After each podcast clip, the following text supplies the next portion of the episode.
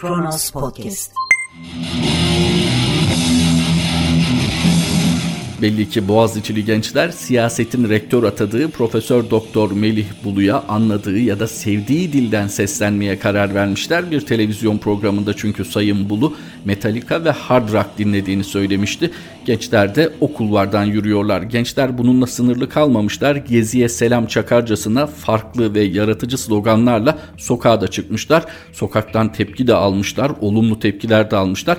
Ama İçişleri Bakanı amcalarından pek olumlu bir tepki alamamışlar alamamışlar. Çünkü İçişleri Bakanı Sayın Süleyman Soylu hiç sivil siyaset yapmamış, hep bir polis şefiymiş edasıyla yine benzer bir açıklamada bulundu. Detaylarını aktaracağız. Öncelikle merhaba 6 Ocak 2021 Çarşamba günün tarihi ve Kronos Haber'de Kronos gündemle birlikteyiz.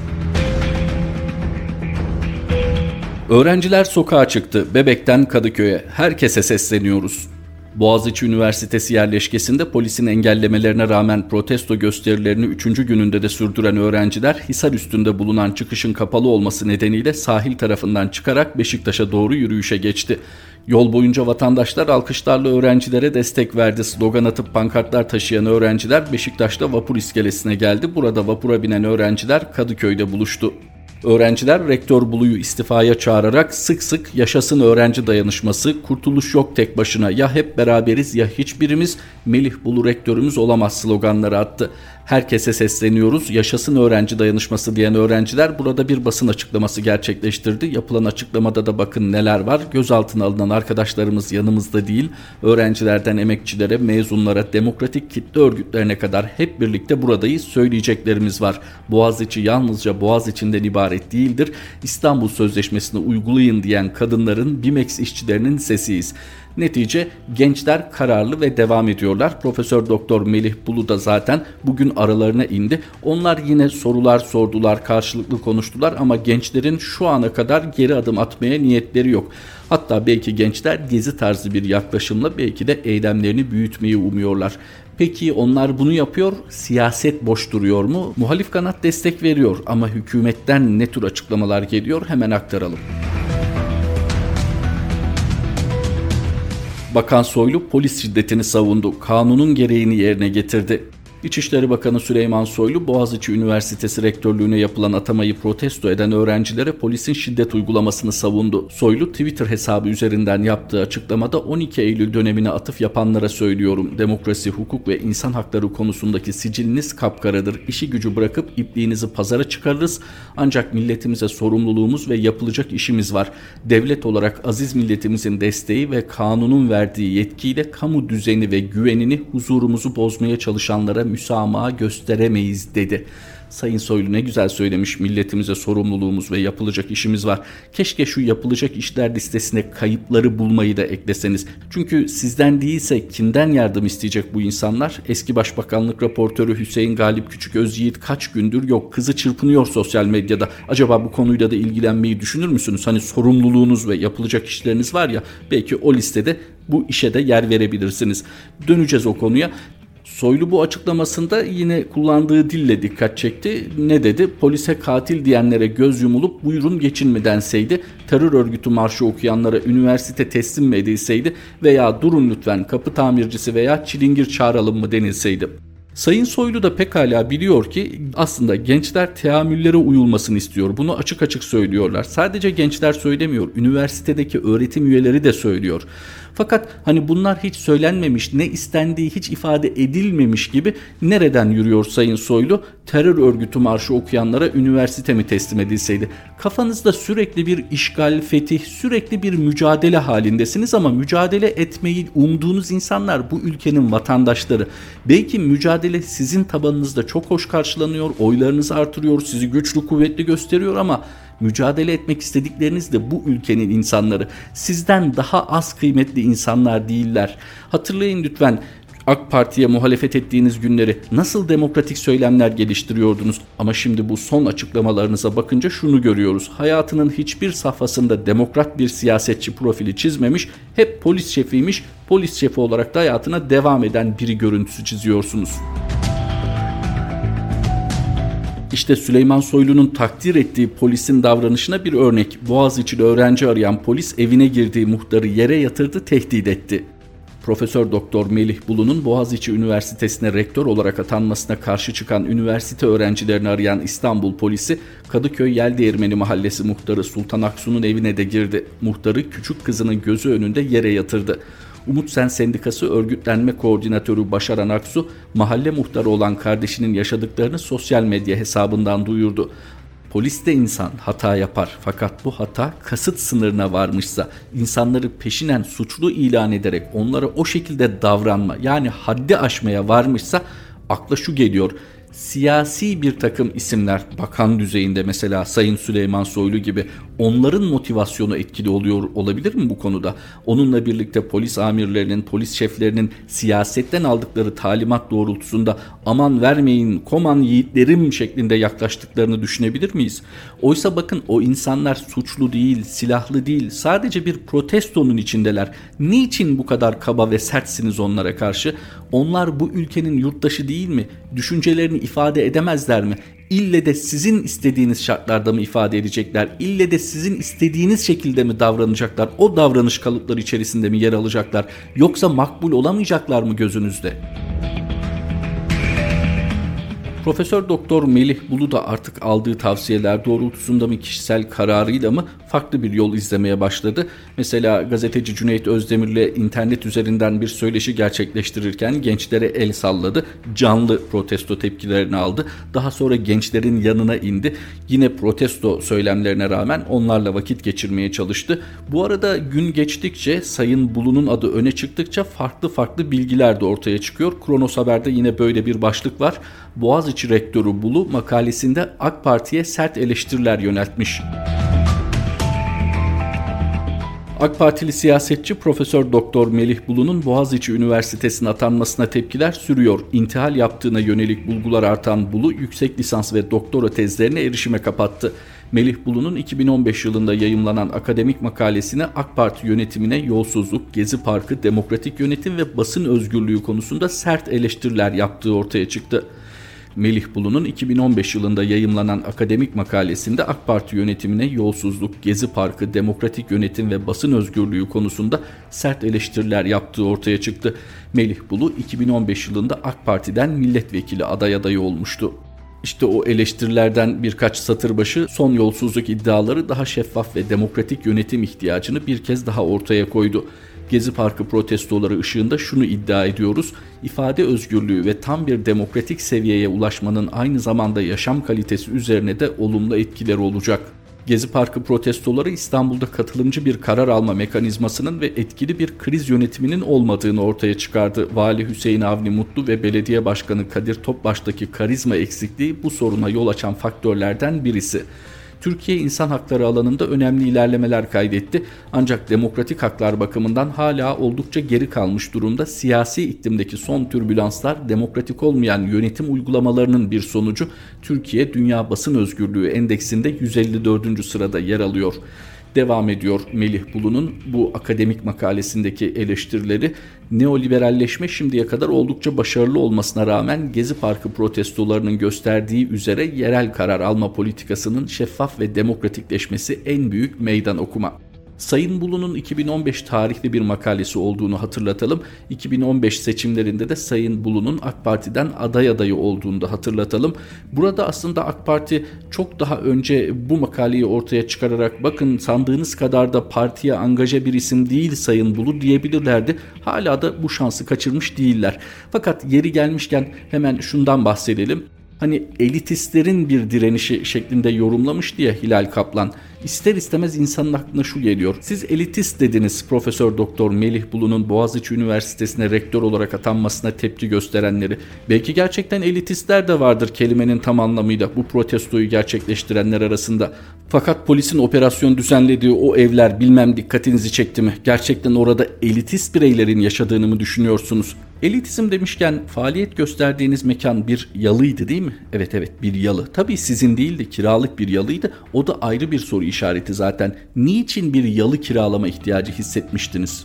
Bir sınıf değişikliğini mi haber veriyordunuz?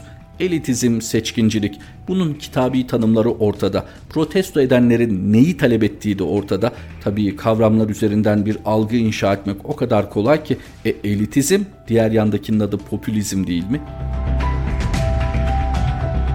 Belli ki gündemden hemen düşmeyecek. Profesör Doktor Melih Bulu'nun Boğaziçi Üniversitesi'ne rektör olarak atanması belki de hedeflenenlerden biri de buydu. Demirtaş'tan Boğaziçi'li öğrencilere destek. Ne yaptınız gençler ya? Sesiniz buraları sallıyor. Eski HDP eş genel başkanı Selahattin Demirtaş, Boğaziçi Üniversitesi rektörlüğüne AK Partili Profesör Doktor Melih Bulu'nun atanmasını protesto eden öğrencilere destek verdi. Demirtaş'ın sosyal medya hesabından yapılan paylaşımda "Ne yaptınız gençler ya? Sesiniz buraları sallıyor. Kim bilir nereleri titretiyordur." ifadesini kullandı.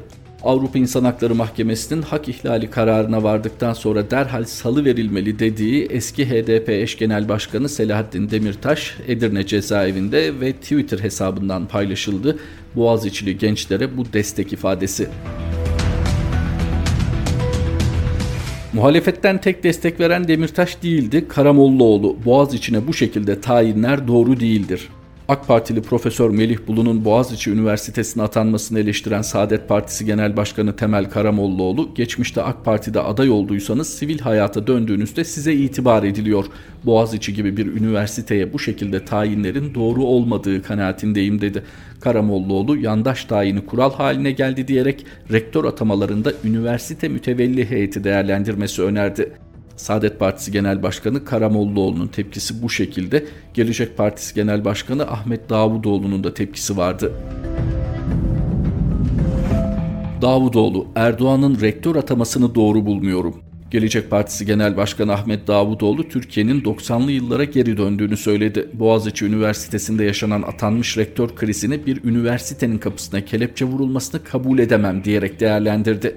2020 yılını değerlendirdiği toplantıda gazetecilerle parti genel merkezinde bir araya gelen Davutoğlu, Cumhur İttifakı için ben şimdiki ilişkinin rüya olduğunu düşünüyorum. Rüyanın dayandığı temel iktidarı paylaşma arzusu yorumunu yaptı farklı başlıklara da değindi bu toplantıda doğal olarak Ahmet Davutoğlu fakat altı çizilecek noktalardan biri konuştuğumuz konu özelinde üniversitenin kapısına kelepçe vurulmasını kabul edemem. Sosyal medyayı takip ediyorsanız mutlaka orada bu söyleme tepkileri de görmüşsünüzdür. Sayın Davutoğlu şimdi ne güzel bir tepki gösteriyor. Önce şehir üniversitesi şimdi Boğaziçi Üniversitesi diyerek o da tepki gösterdi. Fakat kendisine hatırlatılanlar da son derece yerinde.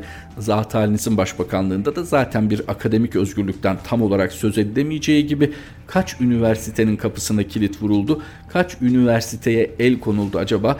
Eğer şimdi iktidarı eleştirirken bu konuda samimiyetimizi ortaya koyacaksak bir öz eleştiri vermemiz de gerekir. Diğer başlıklarla devam ediyoruz. Kronos Haber'den gündeme aktarmaya kayıp başbakanlık raportörü Küçük Özyiğit'in kızı kamera kayıtlarına ulaştı. 29 Aralık Salı gününden bu yana babasından haber alamayan Hüseyin Galip Küçük Özyiğit'in kızı Nursena Küçük Özyiğit yeni bilgilere ulaştığını belirtti. Babasının kaçırılma ihtimaliyle ilgili olarak başvurulacak yetkili bir merci bulamayınca yaşadığı Kocaeli'den babasının çalıştığı ve yaşadığı Ankara'ya gelen Küçük Özyiğit bir kamera kaydına ulaştığını açıkladı.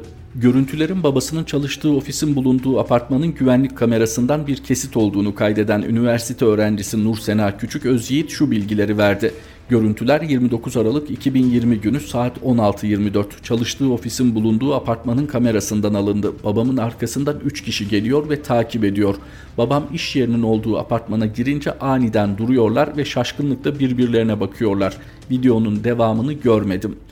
Videoya avukatları vasıtasıyla ulaştığını aktaran Küçük Özyiğit sosyal medyada babasına ulaşmak için tabiri caizse çırpınıyor, destek istiyor, yardım istiyor. Az önce demiştik ya Sayın Süleyman Soylu için milletimize sözümüz var, işlerimiz var diyordunuz. Buyurun birincil işiniz kayıp hem de eski başbakanlık raportörü İçişleri Bakanlığı bu konuya müdahil olmayacaksa tamam kızım elindekileri bizimle paylaş biz gerekeni yapacağız demeyecekse niçin bir İçişleri Bakanlığımız var?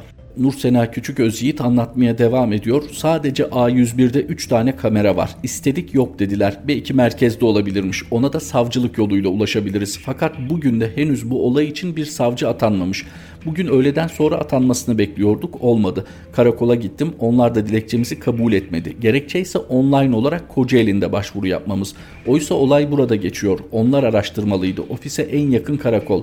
Avukatımız nöbetçi savcılığı aramış. Onlar da dilekçelerimizi kabul etmiyor. Ne yapacağımızı şaşırdık. Elimizde kamera kayıtları var. Verebilecek savcılık, karakol bulamıyoruz. Burada devlet hiç mi kendi onuru açısından düşünmüyor acaba? Eski başbakanlık raportörü kayıp diyor kızı ve bu konuda nedense muhatap dahi bulamıyor dilekçesini verecek. Bu mu 2023 için hedeflediğiniz Türkiye? Koronavirüs salgını denilince şu an tüm dünya aşıya odaklanmış durumda. Aşı ile ilgili de bugün mühim bir uyarı vardı. Profesör Doktor Mehmet Ceyhan, Çin aşısını 60 yaşın üzerine yapmak tamamen kumar. Enfeksiyon Hastalıkları Derneği Başkanı Profesör Doktor Mehmet Ceyhan koronavirüsün kötü seyrettiğini belirterek bizim artık aşının etkisizliğini göze alıp bu aşıyı yaptırmak dışında çaremiz yok dedi. Haber Global yayınında açıklamalar yapan Ceyhan, Endonezya'da 60 yaş ve üzeri kişilere Çin aşısının uygulanmayacak olmasını değerlendirirken kendisinin yine de aşı olacağını çünkü hastalığın kötü seyrettiğini belirtti. Profesör Doktor Ceyhan'ın bu konuda çok açık bir uyarısı var. 60 yaşın üzerinde hiçbir verisi yok bunun. Bu gruba bu aşıyı yapmak açıkçası tamamen bir kumar. Tutarsa tutar diye düşünülebilir. Yoksa onun dışında hiçbir veri yok. Sadece tek başına Çin aşısı alan biz varız. Çin'in bile ikisi hazır, biri de devam eden 3 aşısı var. Buna rağmen Çin diğer ülkelerde üretilen aşılardan da ısmarladı kendisine diyor Profesör Doktor Mehmet Ceyhan. Aşı konusunda acaba gerçekten vatandaşımızın kafası rahat mı? Nasılsa Sağlık Bakanlığımız gereken miktarda aşıyı alır, gereken zamanda, gereken sırayla hepimizi aşılar. Burada gereken sıra derken malumunuz gerek yaş gerekse hastalıkları itibariyle risk grupları var. Fakat bizim ilk aklımıza gelen maalesef ne oluyor? Acaba kimler önce aşılanacak? Gerçekten sağlık açısından risk grubunda olanlar mı yoksa Hilal Kaplan'ın kulağı çınlasın elitler mi önce aşılanacak? Yargıtay onadı günde 14 ilaç kullanan 84 yaşındaki Nusret Muğla cezaevine konuldu. 84 yaşındaki Nusret Muğla cezası Yargıtay tarafından onandığı için bu sabah tutuklanıp Manisa T tipi cezaevine konuldu. Muğla daha önce de aynı cezaevinde 7 ay kalmıştı. Uzun yıllar Manisa'da ayakkabıcılık yapan Nusret Muğla, Bankasya'ya para yatırdığı Manisa'daki Feza Derneği'ne üye olduğu ve gençlerden oluşan Nevbahar adlı gruba dahil olduğu gerekçesiyle 6 yıl 3 ay hapis cezasına çarptırılmıştı. Bold'un haberi bu. Eylül 2016'da Manisa Emniyet Müdürlüğü'nde 31 gün gözaltında kaldıktan sonra tutuklanan Nusret Muğla o dönemde kalp rahatsızlığı geçirmiş ve İzmir Yeşilyurt Devlet Hastanesi'nde anjiyo olmuştu. Anjiyonun ardından tahliye edilen Muğla tutuksuz yargılanıyordu. Bakınız Nusret Muğla 84 yaşında. Nusret Muğla günde 14 ilaç kullanıyor ve Nusret Muğla zaten daha önce cezaevinde kaldığı sürede anjiyo geçiren bir vatandaş ve Yargıtay tarafından cezası onandığı için tekrar Manisa T tipi cezaevinde. Şimdi elinizi vicdanınıza koyun ve lütfen takvimi geriye doğru çevirin. Ergenekon ve balyoz tutukluluklarında yaşlar dikkate alındı mı alınmadı mı? Daha sonra 28 Şubat yargılamalarında haklarında hüküm olmasına rağmen o generaller yaşlarından ve sağlık durumlarından ötürü içeri girdiler mi girmediler mi? Adalet Bakanlığı var değil mi bu ülkede? Hani reformdan bahseden ve adalet yerini bulsun da bırakın kıyamet kopsun diyebilen bir de Adalet Bakanı var bu ülkede. Sosyal medyada denendi, uğraşıldı ama olmadı. Ukrayna, Irak'ta cemaat okullarında çalışan iki öğretmeni Türkiye'ye iade etti. Ukrayna'da yılbaşı gecesi gözaltına alınan iki öğretmen Türkiye'ye iade edildi. Ülkeye yasa dışı yollardan girdikleri yönünde suçlama yapılan Salih Fidan ve Samet Güre amaçlarının turistik bir seyahat olduğu yönünde havalimanında açıklama yapmıştı. Öte yandan İçişleri Bakanlığı Fidan ve Güre'nin Ukrayna'dan Türkiye'ye getirildiğini bildirdi paylaşıldı, duyuruldu, aktarıldı fakat netice alınmadı. Burada gelin de Ukrayna Devlet Başkanı Zelenski'yi düşünmeyin. Hatırlayın Zelenski göreve geldiğinde bir kanun hükmünde kararnameyle geçmiş tüm hukuksuz kanun hükmünde kararnameleri iptal etmişti ve Ukrayna'ya umut vaat etmişti bu anlamda demokrasi ve hukuk anlamında. Fakat işte gördünüz son yaşanan olayı Burada insanın aklına şu da geliyor. Ukrayna Devlet Başkanı Zelenski yılbaşı mesajında Türkiye'ye ve Cumhurbaşkanı Recep Tayyip Erdoğan'a özel bir başlık açmıştı. Neler oluyor arada ki Türkiye'deki yargı ortadayken, Türkiye'deki şu an hukuki uygulamalar ortadayken iki öğretmeni Türkiye'ye hiç gözünü kırpmadan teslim edebiliyor Zelenski yönetiminde Ukrayna. Kronos Haber'den Kronos gündemi aktardık. Tekrar buluşmak üzere. Hoşçakalın. Kronos Podcast